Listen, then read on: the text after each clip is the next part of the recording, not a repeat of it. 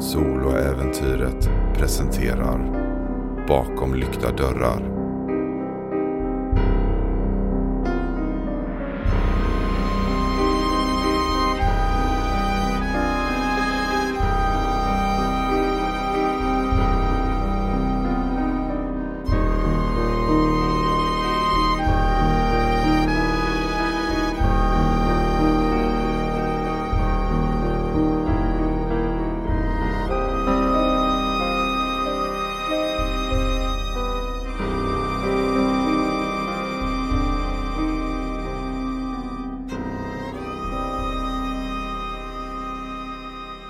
Säsong 5 Avsnitt 6 Epiphany Sky och hennes två vänner bestämde sig för att ta anställning som hjälpredor på en välgörenhetsgala för att ta sig in i Miss Clarks hem för att leta efter spår efter sina försvunna vänner. Som servitörer så hade de möjlighet att röra sig runt där. Se och inte bli sedda. För vem kollar egentligen efter en servitör? En plan gjordes om att ta sig in i Miss Clarks kontor. Men planer, ja, de går inte alltid som man har tänkt. Sky blev upptäckt av en kvinna Giselle Fischer när hon tjuvlyssnade på ett samtal mellan Luciens far och Giselle.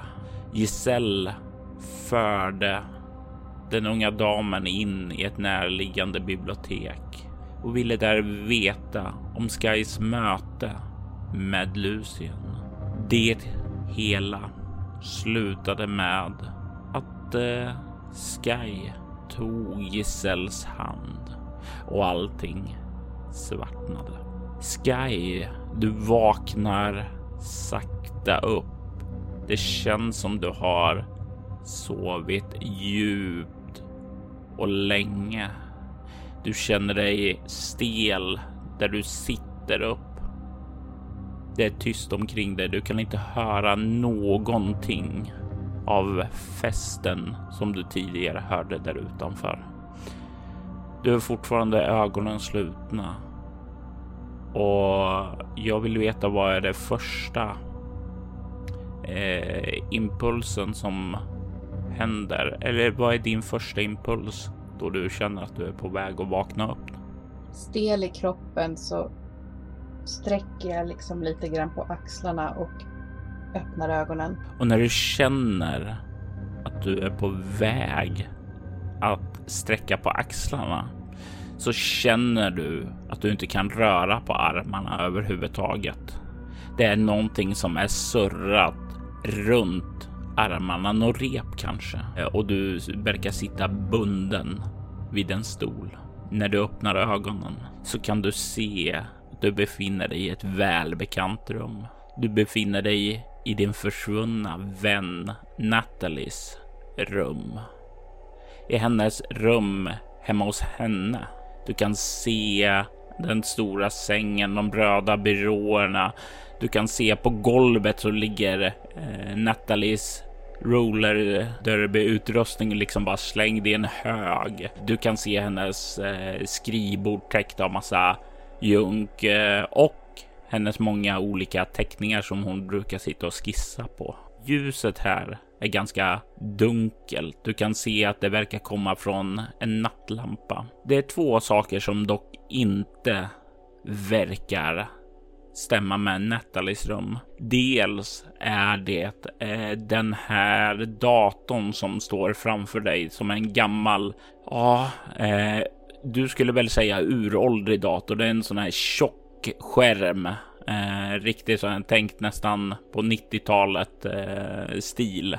Eh, den typen av skärm och en riktig klumpig låda som eh, finns där under.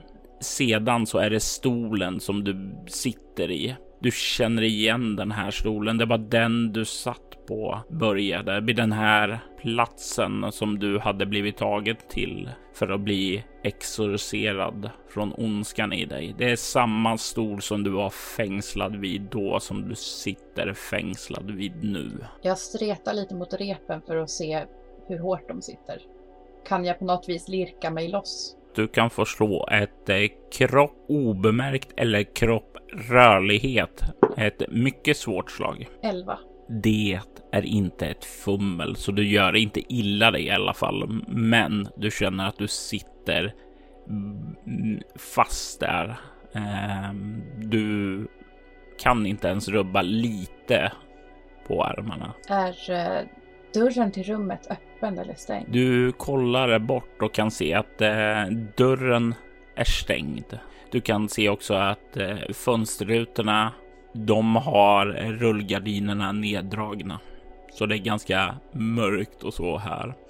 Du kan se borta från eh, byrån på andra sidan rummet borta vid sängen att det ligger en liten fickkniv där.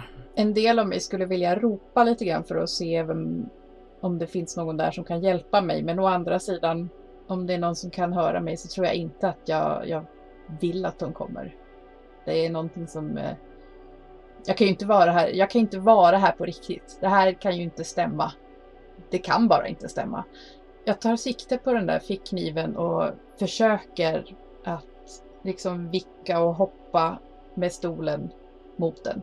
Och du kommer eh, sakta fram till själva byrån där kniven ligger. Men sättet du sitter fast och eh, sättet som kniven ligger där uppe, den är inte helt lätt att komma åt. Kniven ligger högre upp än vad du kan nå helt enkelt. Jag försöker att flytta mig närmare väggen så att jag ska kunna vicka lite grann på byrån. Ja, du kan förstå ett eh, nytt slag med kropprörlighet för att se om du kan välta den. 15. Och du kan se med lite ansträngning hur den faller ned och landar på golvet.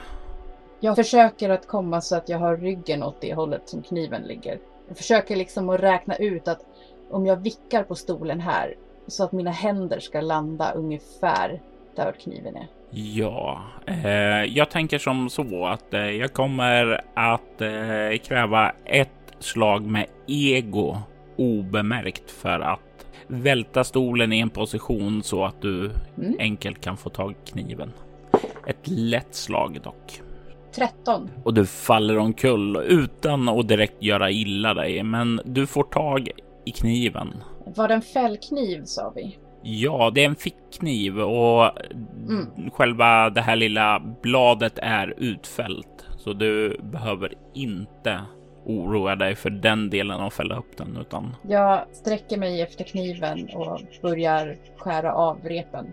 Och efter någon minut så släpper det första repet och du kan få loss den ena armen och därefter så går det ganska enkelt att ta dig lös från resten av repet. När jag har kommit loss så reser jag på mig, sträcker ut min kropp Sen går jag till fönstret och drar upp rullgardinen. Och när du drar upp det så kan du se på andra sidan fönstret att det finns en betongmur som ligger nästan precis mot fönstret. Det är kanske en glipa på två centimeter.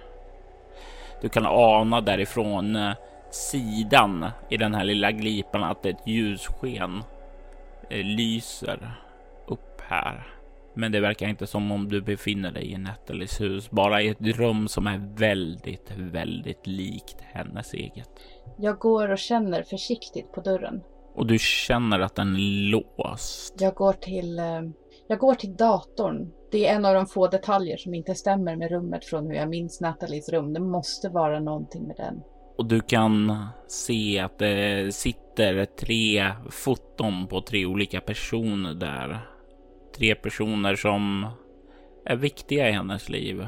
Dels så är det Jaden, en gemensam klasskamrat som mördades för två år sedan. Du kan även se Xander, hennes pojkvän och sedan slutligen Hanna. Du kan se att datorn står på en inloggningsskärm. Det blinkar där i väntande på att du ska skriva in lösenordet. Jag prövar att skriva in Sander. När du gör det där så kan du se hur datorn och skärmen slocknar. Nej, nej, nej, nej, nej, nej. Jag trycker på knappar och försöker få den att vakna till igen. Hur är din teknologiska expertis? Vad har du i teknologi egentligen? Jag har, eh, jag har två. Jag vill att du slår ett lätt slag med egoteknologi. Åtta. Datorn verkar ha kortslutits och du är rätt säker på att eh, det här är inte någonting som du kommer kunna göra någonting åt här inne. Det är ovanför din kunskapsnivå. Jag svär lite för mig själv och drämmer till skärmen med handen och bara ren frustration. Tänk Sky, tänk! Jag börjar se mig omkring i rummet. Finns det någonting annat som inte stämmer mot Nathalies rum? Du kan se hur garderobsdörrarna, två av dem, verkar se något annorlunda ut än i Nathalies rum. Den längst till eh, höger och den i mitten. Jag tar den här fällkniven och stoppar i min ficka. Ja. Ligger hennes roller derby-grejer, ligger de alltså bara på typ en hög på golvet eller har hon någon? Det, det, är, det är så typiskt Natalie att liksom inte prydligt sätta upp saker utan det är liksom kommer hem, slänger allt i en hög på golvet och sedan eh, går och gör annat. Jag tar eh, själva rull... Eller har vi samma skostorlek? En fråga först. Ja, det har ni. Då tar jag hennes eh, rullskridskor och så knyter jag ihop Eh, de långa skosnörena på dem så att jag kan hänga dem om mina axlar och tar dem med mig. Yes. Och det är ju Nathalies färger här, rosa och svart. Det är ju inte riktigt mina färger, men det får gå. Jag kan inte säga att jag vet vad jag ska behöva de här till, men det är bättre att vara redo.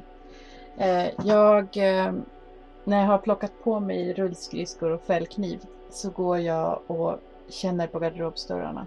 Vilken av dem? Är det två stycken separata garderober? Det finns tre separata garderober. En längst till vänster som ser normal ut. En i mitten och en till höger och de två sista där är de som ser lite annorlunda ut. Jag tar den som är till höger av eh, de som ser annorlunda ut. Och det är definitivt inte vad du förväntar dig att se, för du kan se där inne att det finns en liten duschkabin. Hur liten är liten? Tänk dig som en liten uh, duschkabin på en färja eller så. Uh, den är stor nog att du kan kliva in och stå och duscha i den, uh, men inte mycket armutrymme och sådant. Den är kanske ja, max en meter bred. Det här är märkligt. Jag slås av en känsla av att det här känns nästan som om det skulle vara en slags fängelsecell. Jag går och känner på den andra garderobsdörren som var märklig. Och när du öppnar den så kan du se ett antal konserver och liknande köksattiraljer på olika hyllor och en liten kokplatta också där. Som om det här vore köksvrån. Jag stänger den dörren och går och prövar den normala garderobsdörren och du kan se in i den, eh, en ganska normal eh, garderob. Det finns lite om Nathalies gamla olika eh, idrottsutrustning, lite allt är möjligt eh, här i allt ifrån taekwondo svärd till eh, diverse olika ja, ja, gymnastik och eh, basketutrustning här också. För du vet ju att Natalie var en väldigt, väldigt sportig tjej och eh, hon har prövat på väldigt många olika sporter och det verkar vara hit som gamla sporter hon har prövat på men inte längre utför. Det verkar vara hit som utrustningen kommer för att dö.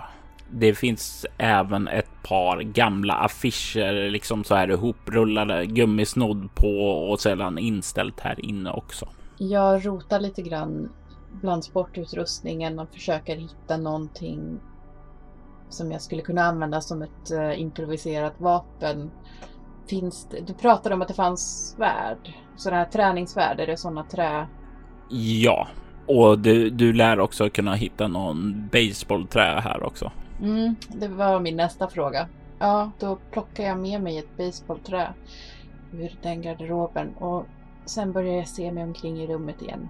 Är det någonting mer som står ut överhuvudtaget för mig? När du kikar runt där så kan du ana borta vid ytterdörren en röd rök som sakta liksom glider in under själva dörrspringan längst ned mot golvet.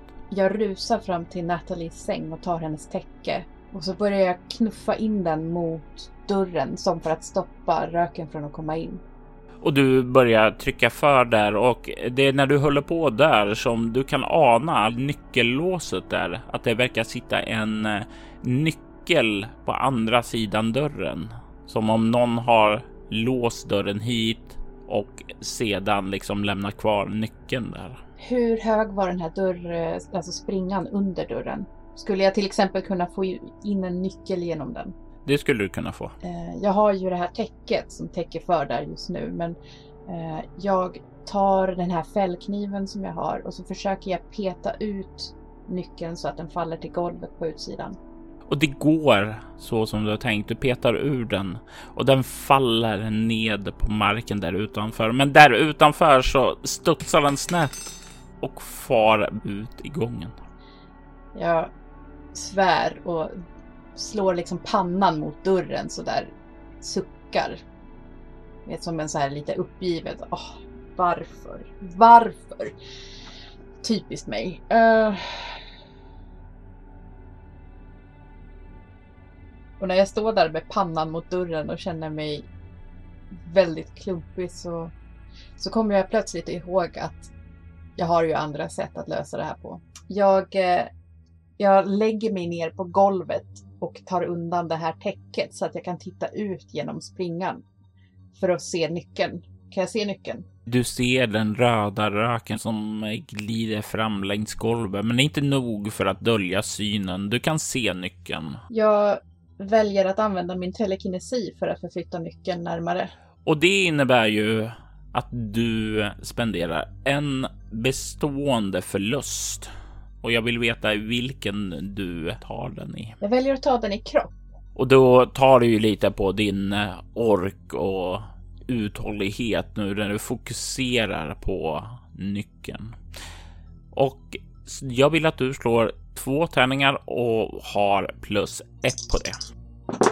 12. Och 12 innebär att du får välja både bieffekten och mm. effekten. Som effekt väljer jag att nyckeln kommer under dörren så att jag kan nå den.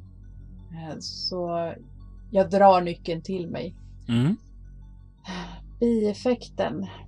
Jag väljer att alla lösa föremål i omgivningen börjar slungas omkring. Du känner hur nyckeln glider in under dörren och far rätt in i din hand samtidigt som allt löst i Nathalies rum, dator, roller, derbyutrustning och ja, sängkläder, smink och sådant liksom bara, bara kastas upp från sin plats och börjar liksom fara runt i rummet. Och du känner också hur de här Eh, och du känner de här rullskridskorna som du liksom hade tagit och hängt över halsen liksom börjar glida uppåt dem också där. Vad gör du? Jag släpper rullskridskorna och låter dem fara och eh, samtidigt så försöker jag att så snabbt jag bara kan sträcka mig upp och låsa upp dörren. Och du känner hur dörren klickar till och eh, dörren kan öppnas samtidigt som om allting här inne i Nathalies rum börjar och röra sig nästan som i en tromb där allting börjar kastas omkring där. Jag kastar mig ut och stänger dörren bakom mig. Du står i en korridor. Golvet kan du inte se för det är täckt av röd rök. Du kan se rakt framför dig att det finns en ordentlig ståldörr av samma modell som du står vid nu. Till vänster om dig så kan du se en liknande dörr i slutet av korridoren och åt höger kan du se hur korridoren leder en bit bort fram till en trappa som leder uppåt. Jag stannar till en liten, liten stund för att hämta andan. Jag ser mig omkring och försöker komma på vad jag ska göra härnäst. Jag får en känsla av att bakom alla de här dörrarna finns det liknande rum. Tre dörrar med tre rum och kanske avsedda för tre olika personer. Och det är ju det jag börjar ana. Det här var Nathalies rum. Jag vet vilka de andra rummen är till för. Jag behöver inte ens gå in i dem för att veta det. Du kan höra gnissel från gångjärnen bortifrån dörren och du till vänster om dig. Låter det... Det låter som om någon är på väg att öppna dörren. Rummet jag just kom ur var tomt, sådär som på mig. Mm. Jag tror, jag tror inte att det är någon av mina vänner som är på väg ut genom den där dörren. Jag sneglar bort mot den där trappan. Den var på väg upp sa du? Ja. Jag rusar mot trappan och springer upp. Jag vill att du slår ett eh, lätt slag med kropp obemärkt för att se hur mycket detaljer du hinner snappa upp innan något sker. Nej.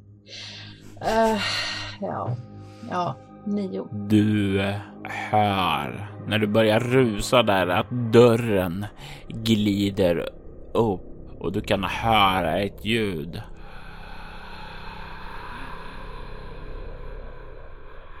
Bakifrån dig. Du springer och springer och du kommer fram till trappen, börjar rusa uppåt. Du kan ana ett starkt ljussken där uppe. Fortsätter du fram emot det? Jag fortsätter framåt ljuset. Och när du kommer in i ljusskenet så blir du starkt bländad och i nästa ögonblick så sitter du i stolen. Du är tillbaka i biblioteket där framför den här stora elden och du känner hur Giselle släpper din hand samtidigt som hon håller kvar dig med sin blick. Det där är vad tribunalen kan göra. Vad kan du berätta för mig om Lucien? Sekunden som hon släpper min hand och jag finner mig på biblioteket igen så reser jag på mig nästan lite sådär eh, panikartat och känner mig lite förvirrad och funderar vart jag verkligen är. Är det här bara ett till, ett till lager? Eller är jag i biblioteket? Känns det här verkligt? Det kanske den andra platsen också gjorde. Jag tänker det här att du kan få slå ett eh, chockartat skräckslag med ego för att se exakt vad det är för känslor som bubblar hos dig just nu. Sa vi ego? Ja. För eh, ego gäller då det är någonting som bryter mot den sunda förnuftet. Den här verkligheten vi har lärt oss ska stämma. Mm. Nio. Du får en skräcknivå av hela den här upplevelsen, vad du var nyss och var du är nu. Kan du vara verkligen helt säker på att du är tillbaka där du var? Alltså det är ju de här osäkerheten som liksom får dina nerver att eh, spritta. Jag försöker att samla mig. Och vänder mig mot Giselle. Hon har inte släppt dig med blicken överhuvudtaget. Vad, vad var det där? Vad, vart tog du mig? Du får dina svar när jag får mina. Ditt möte med Lucien nu. Om du inte vill tillbaka dit där du var. Hon kollar på dig med en ganska intensiv blick och du kan se att hon är på väg att börja förlora sitt tålamod. Jag tänker tillbaka till varelsen som, om det ens var en varelse, som jag hörde, som jagade mig där i korridoren. Jag vill inte tillbaka. Jag vill inte heller pröva hennes tålamod vid det här laget. Jag känner att jag just nu inte egentligen har något annat val än att försöka vara henne till lags. Okej, okay. jag ska berätta. Vad vill du veta? Mer specifikt. Vad kan jag... Vad? Vad vill du ha? Jag vill veta var du träffade honom, vad hans sinnestillstånd var, vad han planerade att göra och var han kan tänkas vara nu. Vart han kan finnas nu, det kan jag tyvärr inte tala om för dig, för det vet jag inte. Men vi hade fått nys om att han, vi skulle, att han skulle möta någon nere i hamnen. När vi kom till hamnen så fanns en eh, man, eller kanske snarare en demon där. Carver. Och du kan se när du säger det att hon verkar inte blinka. Och du, du, du är ju rätt säker på att skulle du säga att du hade träffat en demon i hamnen så skulle ju de flesta vuxna inte ta dig på allvar. De skulle reagera på något sätt, men inte Giselle. Hon tar in det du säger väldigt noga och väldigt lugnt. Med tanke på vad hon just utsatte mig för eh, så antog jag att hon inte var helt främmande för den här typen av verklighet. Så jag är inte förvånad över att hon inte reagerar på det. Och jag hade kanske heller inte uttryckt mig så om jag trodde att hon inte skulle tro mig. Du kan se hur hon eh, nickar och säger jag är bekant med Carver. Han har gjort vissa intrång här i Utopia som inte är uppskattade, men han kommer inte in längre i alla fall. Var, varför träffade han Carver? Han ville komma undan. Han ville fly. Han ville börja om någon annanstans. Fly från vad? Säger hon. Och nu kan du se att hon genuint inte vet den här informationen, utan den är intressant för henne. Jag vet inte varför han ville fly. Men jag har en känsla av från vem. Vem? Säger hon och nästan lutar sig lite närmare fram emot dig. Du har hennes fulla uppmärksamhet nu. Han berättade att han hade jobbat för Melissa Clark. Ah, säger hon och liksom bara sjunker tillbaka. Det förklarar så mycket. Oh. Jag tittar frågande på Giselle. Jag var inte riktigt beredd på hennes eh, skifte i energi där. Hon var så intensiv. Du kan se hon reser sig upp. Ja, ja, då uh, förstår vi varför vi inte har hittat honom och det här sätter eh, tribunalens arbete i nytt ljus. Nåja, tack. Jag har fått ut vad jag behöver ifrån dig. Jag gissar att eh, jag ska återgälda tjänsten. Det jag skickade dig in i drömmarna hos din vän. Jag vet inte vad du såg. Jag vet bara att det som du såg är troligen saker som hon själv upplever just nu. Jag förstår, säger jag. Men jag förstår ändå inte riktigt. Då är, då är hon vid liv? Ja, det är hon. Hon kollar på dig. Vad har du i kameleont? Jag har eh, tre. Hon suckar lite och sen säger hon Eftersom jag skickade dig till hennes drömmar så är hon vid liv. Drömmar formas och påverkas av våra intryck och det är utifrån din väns intryck som du såg det du såg. Jag hoppas att du fann något där som kanske kan hjälpa dig. Jag fylls av eh, en känsla av tacksamhet ändå. Jag var väldigt rädd när jag kom in i det här rummet. Och jag är fortfarande inte helt avslappnad. Men den här informationen ändå som Giselle kunde ge mig, den här eh, kontakten med Natalie är oerhört värdefull. Jag vet att hon är vid liv. Och det är nog för att du ska få tillbaka en skräcknivå. Bra! Mycket bra, mycket bra. Du kan se hur Giselle kollar mot dig, säger om du inte har några mer frågor så har jag saker att göra. Du har redan återgäldat tjänsten, men vad är det med Melissa Clark? Vad är det hon håller på med? Vad gör hon? Hon eh, arbetar för en organisation som kallar sig för Orden. Hur uppmärksam var du i skolan?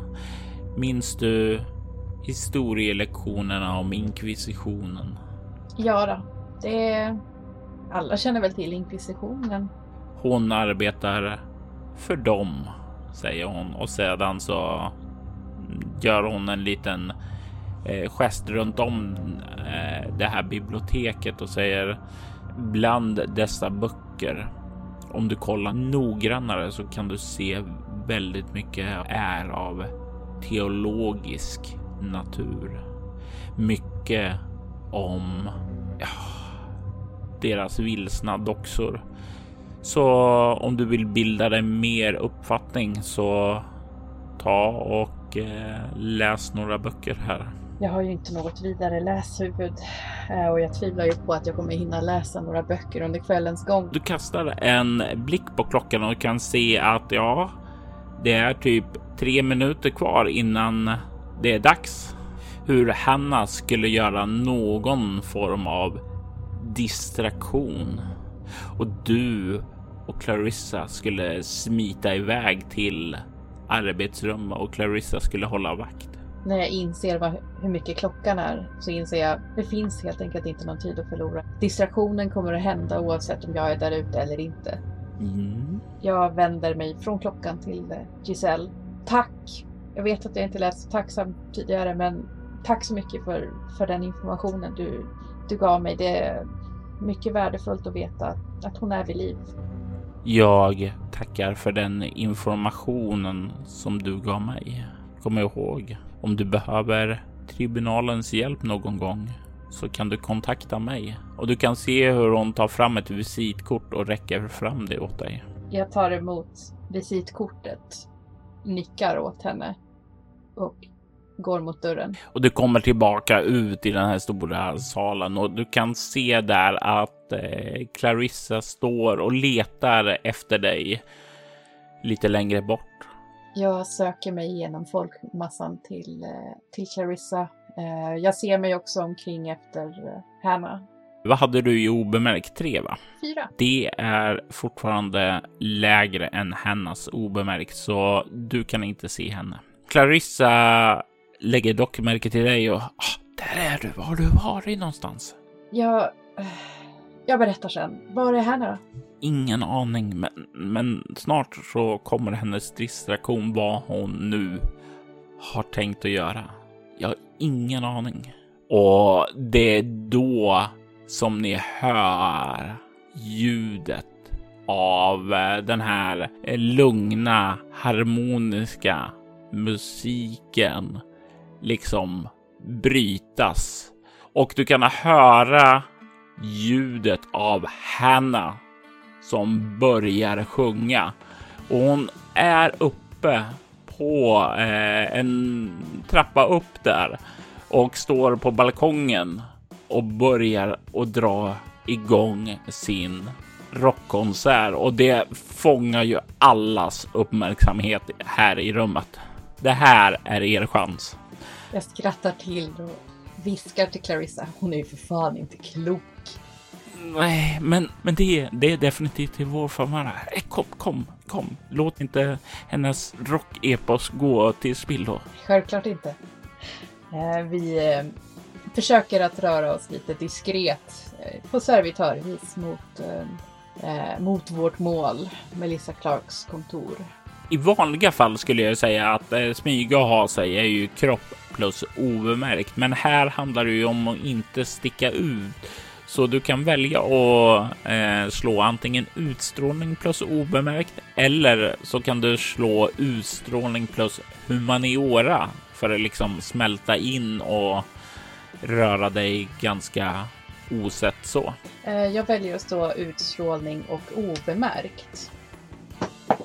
Ett lätt slag. Ja, eh, jag slog ju en etta, men eh, det vart eh, nio. Och det är ju ett marginellt lyckat slag.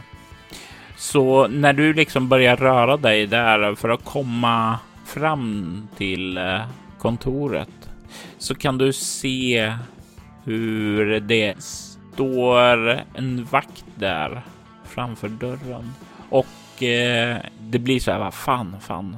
Eh, och du känner hur det liksom tär lite på nerverna där. Fan, det här är vår chans och du känner hur liksom pulsen börjar slå lite närmare. Och sen så går han efter att ha fått någonting inrapporterat i sin öronsnäcka och dörren den blir fri. Men du känner fortfarande lite tärl på nerverna här så du har fått en bestående förlust i utstrålning. Ni kommer fram till dörren och Clarissa säger okej, okay, jag håller vakt här. Jag knackar tre gånger om det är någon på väg och en gång om du bör gömma dig omedelbart. Jag säger ingenting till svar utan jag bara kysser henne. Och hon blir lite så här överrumplad, men sen så ganska snabbt så finner hon sig i det och återgäldar det. Jag ler och smiter in genom dörren. Jag vill här att du tar och slår ett ego humaniora. Ett lätt slag för att kunna lägga märke till vissa detaljer här inne. Tio. Du kan se in i ett ganska fint kontor. Det är ganska höga fönster här som liksom stirrar ut över en bakgård, en väldigt fin trädgård. Det finns också en eh, dörr här som leder ut där på en veranda också. Du kan se en eh, bokhylla fylld av permar, troligtvis fylld av eh, tråkiga bokföringssaker och annat sånt här som brukar finnas på kontor. Du kan se en ganska stort skrivbord, verkar gjort i blankt ek som nästan gnistrar och du kan se en eh, ganska fin dator och sådant här. På väggen så kan du se två tavlor hänga där. Den ena föreställer Melissas dotter Chelsea. Den andra verkar föreställa en kvinna av eh, utseende och döma så kan du se att det verkar vara eh, från medeltiden kanske. Och det tar dig några sekunder innan du minns vem det är. För du var i andra ring så var du på en konstutställning med skolan och då såg du den här personen då. Det är Joan of Arc det föreställer. Och det som är mest kusligt här är att du kan se en väldigt stor likhet mellan Joan och Chelsea. Det är som spegelbilder av varandra. Det kan ju inte vara hon, det måste ju vara en slump eller det kan ju... Hmm. Eh, den här tavlan som jag såg på en konstutställning. Var det alltså samma tavla? Inte samma tavla i sig, men eh, troligtvis målad av samma konstnär. Och var det en likadan Joan på den? Eh, en liknande Joan, ja. Okej. Okay. Eh, jag eh, smyger mig fram till skrivbordet först och främst och börjar känna på lådor. Ja, och du kan känna att de flesta är öppna förutom en som verkar låst och i de öppna där finns det en del ja, sådana här kontorsmaterial och sådant. Eh, lite nedslängda kvitton och sådant, men ingenting som vid en hastig överblick verkar sticka ut. Finns det någon typ av eh, brevsprättare eller liknande på bordet? Såklart det finns det. Jag prövar att um, försöka lirka upp den låsta lådan med hjälp av brevsprättaren. Så där att man kilar in liksom brevsprättaren och försöker liksom peta ner eh, vad heter det? Ja, mekanismen. Ja, eh, jag vill att du tar och slår ett lätt slag med kroppmekanik eller ego obemärkt. Mm. Jag tar kropp och mekanik. Nio. Du får ett val här eftersom det är ett marginellt lyckat.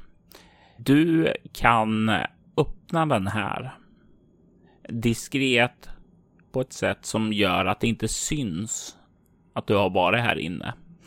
Men då kommer du att ha en bestående förlust i antingen kropp eller utstrålning. Eller så kan du få upp den utan problem, Men då går mekanismen sönder och då kommer det synas att någon har varit där i. Jag väljer att ta en förlust i kropp. Och då blir det säkert att du gör dig lite illa när du liksom ska rädda upp den här situationen. I lådan så kan du se en sak som känns konstig. Och det är inte den pistol som ligger där. Utan det konstiga som finns där är att det är ett par vingar i guld. Och det verkar vara en del av en staty av något slag. Utan att ägna det någon särskild tanke alls så tar jag direkt de här vingarna och smyger ner i en ficka. Pistolen låter jag vara kvar. Ligger det någonting annat i lådan? Nej, det, det ligger ingenting annat i lådan. Jag eh, stänger försiktigt igen lådan på nytt och så ser jag mig omkring. Om de här vingarna saknas från någonting. Det måste ju finnas någonting som de passar in på.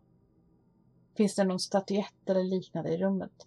När du börjar kolla närmare så kan du se att eh, det eh, finns en eh, statyett som liksom är monterad på väggen vid sidan om den dörr som du kom in i. Som en del, ja det ser ut som en helgonlik person av något slag. Din teologiska erfarenhet inte tillräckligt stor för att identifiera vilken, men eh, det ser definitivt ut att vara samma gyllene färg som de här vingarna. Det finns ingen tid att förlora här. Jag, jag springer fram, eller ja, jag smyger fram. Jag vill inte föra för mycket oväsen eh, till eh, den här statyetten och passar in vingarna på den. Och du eh, ser att de går att sätta fast och det klickar till. Och du känner när du trycker fast dem att du kan höra ett ljud. Ett ljud av skrapande sten och att det verkar vara någonting som börjar öppnas inuti rummet bakom skrivbordet. Är det någonting som öppnas i golvet eller i väggen? I golvet. Jag får en mycket olustig känsla i magen. Jag tänker på den här drömmen som jag var i tidigare. Och på trappan som ledde upp till ljuset. Jag går fram till platsen där jag hör ljudet. Och du kan stirra ned i en lucka som har öppnats där. Men det är ingen trappa. Utan det är en stege som leder nedåt. Nedåt i mörkret. Jag känner både en sorts lättnad men också en besvikelse. Jag hade ju hoppats på något vis att mina vänner skulle vara här. Men det borde jag ju ha förstått att det var för bra för att vara sant. Att det skulle vara så här lätt att hitta dem. Och att Melissa Clark skulle vara så dum att hon förvarar dem precis under sitt skrivbord. Jag kastar en blick bort mot dörren och funderar på om jag borde gå och komma tillbaka senare egentligen någon annan gång. Men vi kanske aldrig får en till chans. Är det mörkt där nere? Ja. Jag ser mig omkring efter någonting jag kan använda som ljuskälla. Du har ju alltid din mobil. Jag vet. Jag medvetet inte, alltså jag försöker medvetet att spara på mobilbatteri. I sånt fall så kan du ta och slå ett eh, kropp obemärkt. Eh, ett lätt slag för att se om det finns någonting eller om du kan hitta något ganska fort. Mm. Tio. Vänta nu, det, du vill dra dig till minnes? Jo, nej men det låg ju en ficklampa i en av de här lådorna och när du drar upp den så mycket riktigt, det ligger en ficklampa i en av skrivbordslådorna som du kan plocka på dig. Eh, jag tar den ficklampan och lyser ner genom den här luckan. Och du kan se att den verkar eh, nå ett betonggolv ungefär fem meter ned. Det är tyst där nerifrån. I bakgrunden så kan du höra nu hur hennes rockkonsert har tystnat. Jag inser att det här, vi kommer inte ha hur mycket tid som helst. Om jag går ner där så blir jag kvar där nere. Jag är inte redo att bli kvar där nere i mörkret. Jag lägger tillbaks ficklampan i lådan och jag springer bort till statyetten och tar bort vingarna från den. Och när du försöker ta loss vingarna så känner du att de är fast där. Du får inte loss dem. Jag vill att du slår ett ego mekanik svårt slag.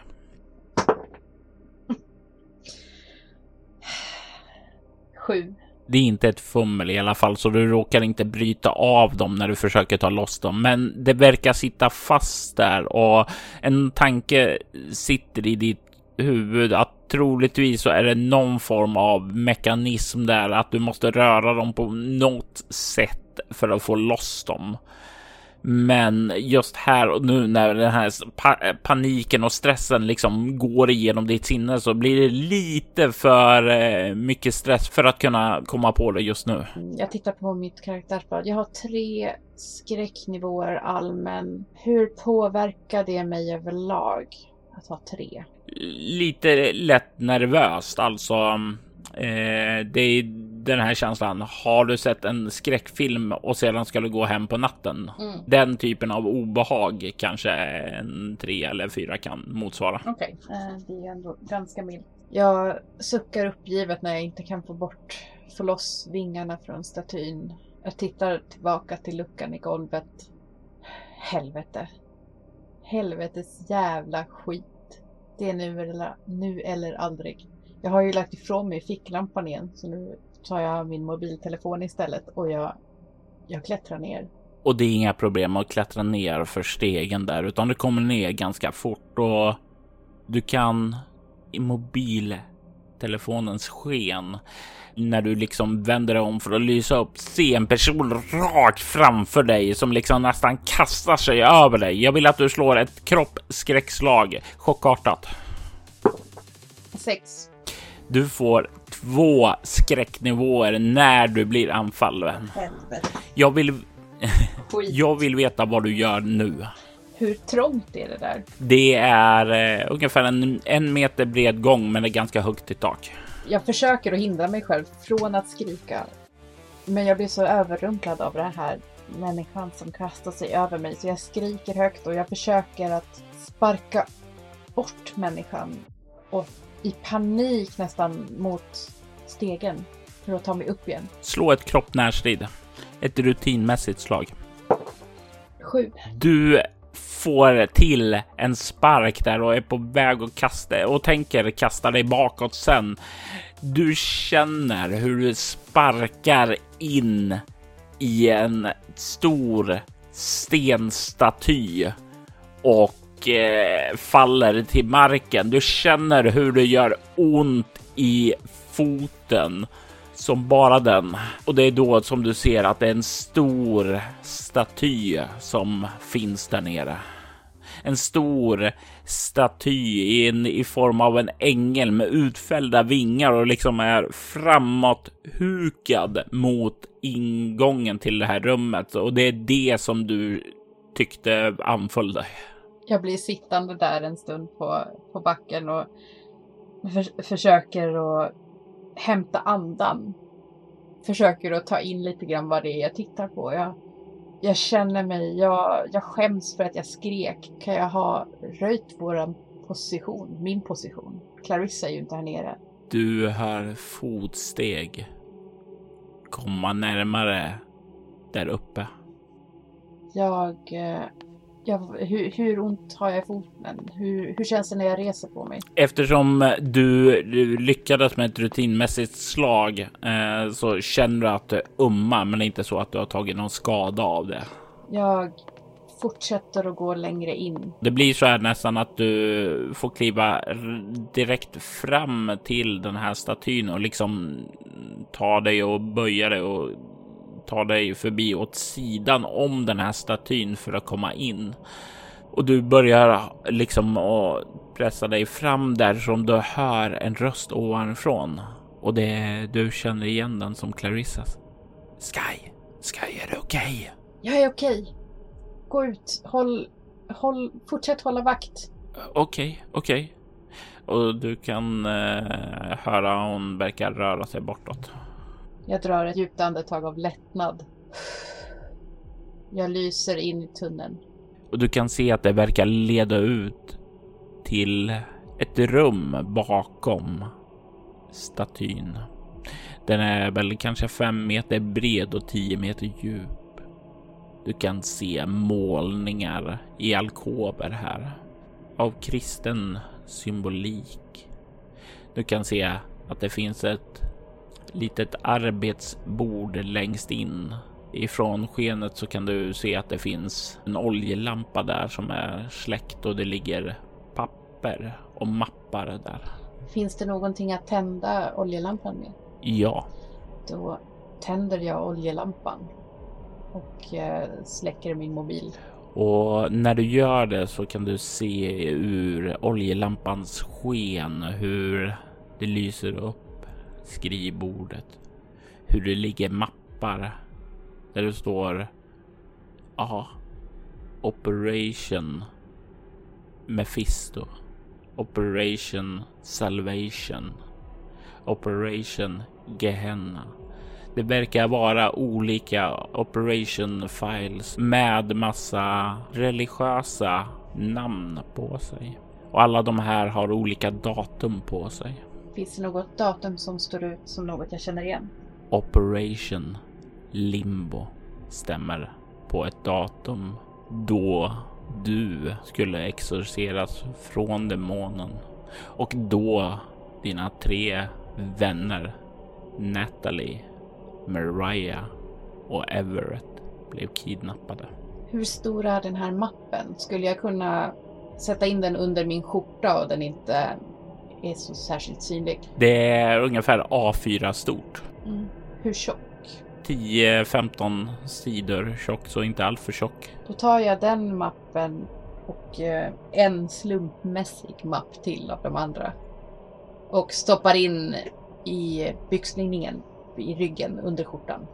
Här så tänker jag slå en reaktionstärning för att se hur bra eller hur värdefull mappen här är för dig. Mm.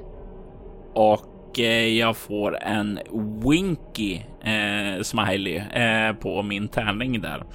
Du kommer få en fil som är innehåller värdefull information, men det är inte så viktigt just nu. Du har filen under eh, skjortan. Och sen går jag tillbaka mot stegen upp. Du rör dig tillbaka förbi den här änglastatyn. Och när du börjar komma fram emot stegen så hör du röster där uppe i arbetsrummet.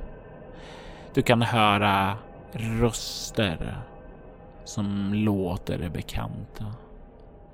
Det är din flickvän Clarissa och Melissa. Och du känner från din plats här nere att situationen är på väg att eskalera. Bakom lyckta dörrar är en berättelse skriven, redigerad och spelad av Robert Jonsson till rollspelet Bortom som ges ut av Mylings spel.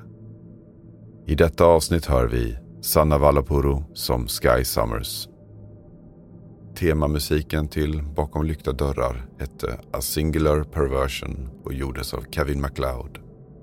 Övrig musik gjordes av Adrian von Ziegler, Jason Weinberger, John Bartman, Keos, Metatron Omega samt en kollaboration mellan Atrium Carcheri och Cities Last Broadcast.